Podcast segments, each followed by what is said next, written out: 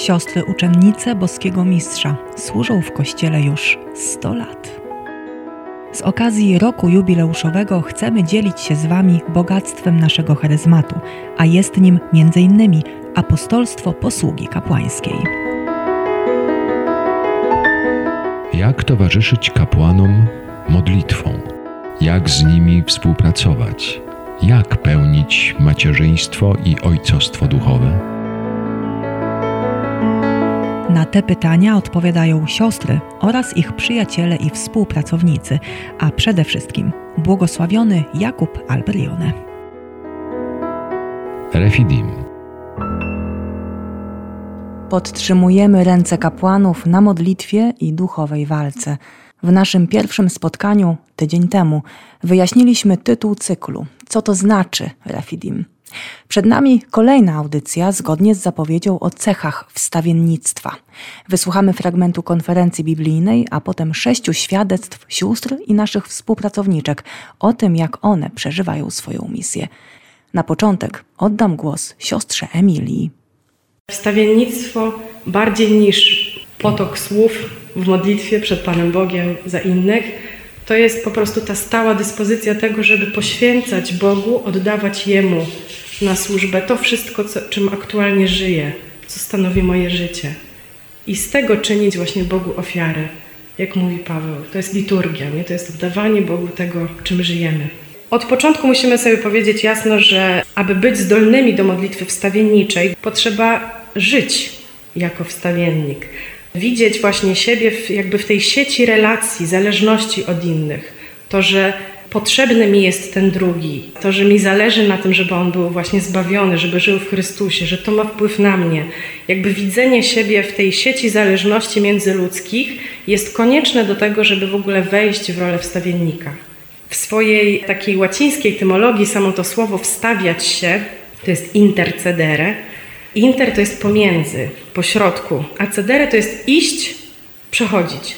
Jakby ktoś chciał zamykać drzwi, a my nogę wciśniemy jakby i uniemożliwimy to. I to jest ta idea tego właśnie wstawiennictwa. Co to znaczy wstawiać się za kogoś? To znaczy stawać pomiędzy dwoma stronami jakiegoś, jakiejś sprawy, jakiegoś może konfliktu, jakiejś trudności. Nie mojej sprawy, ale jednak właśnie w tym sensie, że jestem wpisana w te relacje z innymi i zależy mi na innych, to staje się to też moją sprawą, o którą walczę.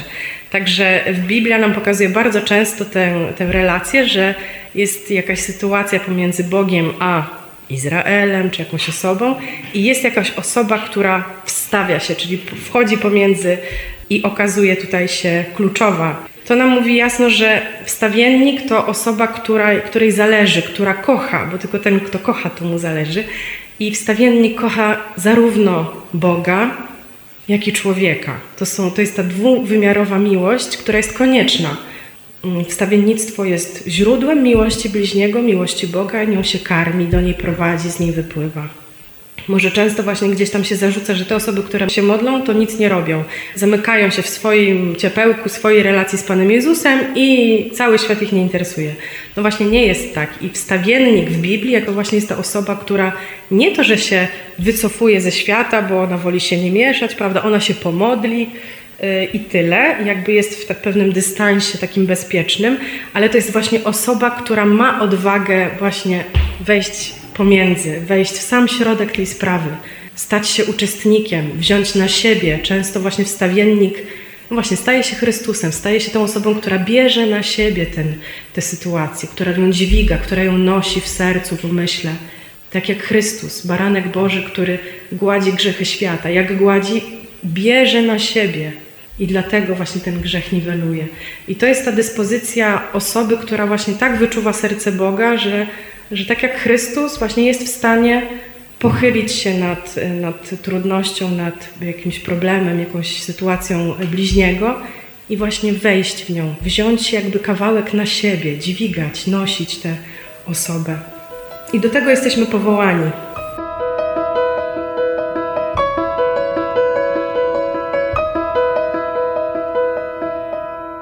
Wysłuchajmy teraz kilku krótkich świadectw.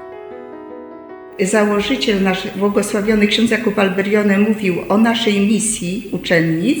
Siostra Urszula. Oto wasza posługa. Serca, które współdzielą z eucharystycznym oblubieńcem pragnienia, dążenia, opuszczenie za wszystkich, ale głównie za osobę najbardziej drogą swojemu sercu, za kapłana. Jezus pierwszy się troszczy i Jezus pierwszy się za nich modli, bo jak Łukasz napisał właśnie, jak Jezus przed śmiercią mówi do Szymona, tak? Szymonie, Szymonie, oto szatan zażądał, żeby przesiać was jak pszenicę. Ja jednak modliłem się za ciebie, abyś nie utracił swojej wiary. Właśnie, żeby nie utracił swojej wiary, czyli za współczesnych apostołów, żeby byli mocni w wierze, ponieważ oni no, są atakowani przez złego ducha, tym bardziej, bo to jest właśnie wielkie dzieło, tu chodzi o zbawienie dusz. Oni są na pierwszym froncie, tak jak to było powiedziane. I modlić się właśnie o tą siłę, żeby oni też dochodzili do tego jakby powtórnego nawrócenia, bo kiedy się nawrócisz, umacniaj Twoich braci. Czyli kapłan też potrzebuje się w swojej posłudze, w swoim życiu nawracać do tej coraz większej gotowości do daru z siebie na wzór Jezusa. Taką ważną rzeczą jest to, że kiedy składamy pierwsze śluby, siostra Rafaela, to otrzymujemy konkretną grupę, grupę kapłanów do modlitwy.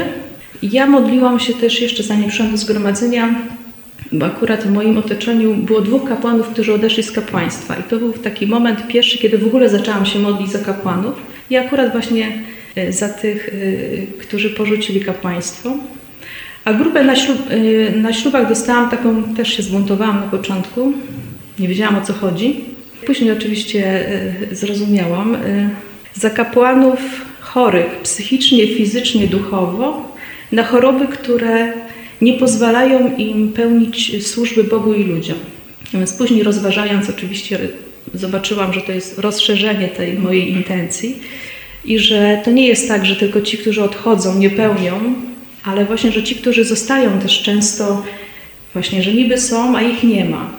Że wiele rzeczy wpływa na to, że zły ich odciąga od posługi, nie? Więc można sobie być, chodzić w sutannie, odprawiać mszę świętą, a tak naprawdę nie pełnić misji, do którą się zostało, do tego zadania, do którego zostało się powołane.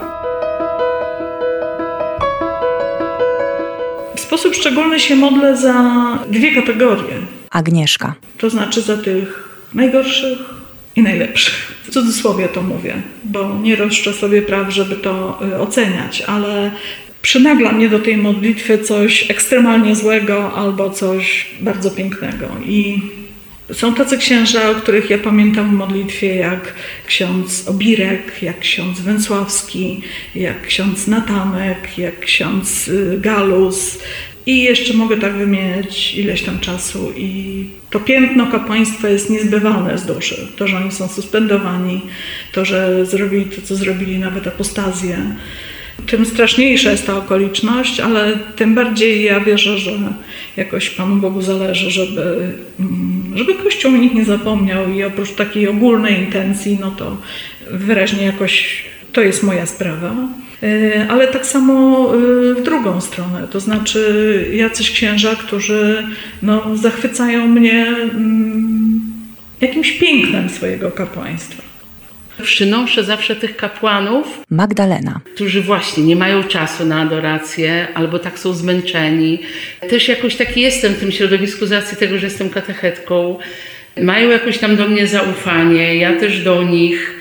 O wielu rzeczach wiem i mogę to przedstawiać Panu Bogu. Jakoś dał mi też taką łaskę takiego niegorszenia się. Ja też jestem człowiekiem, też upadam, więc tym bardziej jakby też jakby rozumiem tutaj księży, właśnie ten wymiar ludzki, powiedzieć coś miłego, dobrego, pochwalić. I na przykład jak prowadzenie rekolekcji ewangelizacyjnych, oni wiedzą, że mogą do mnie zadzwonić, modlitwa wstawiennicza, tak? Taka konkretna, dosłowna, ale też taka, że no słuchaj Magda, trzeba się pomodlić, tak? Za taką i taką sprawę.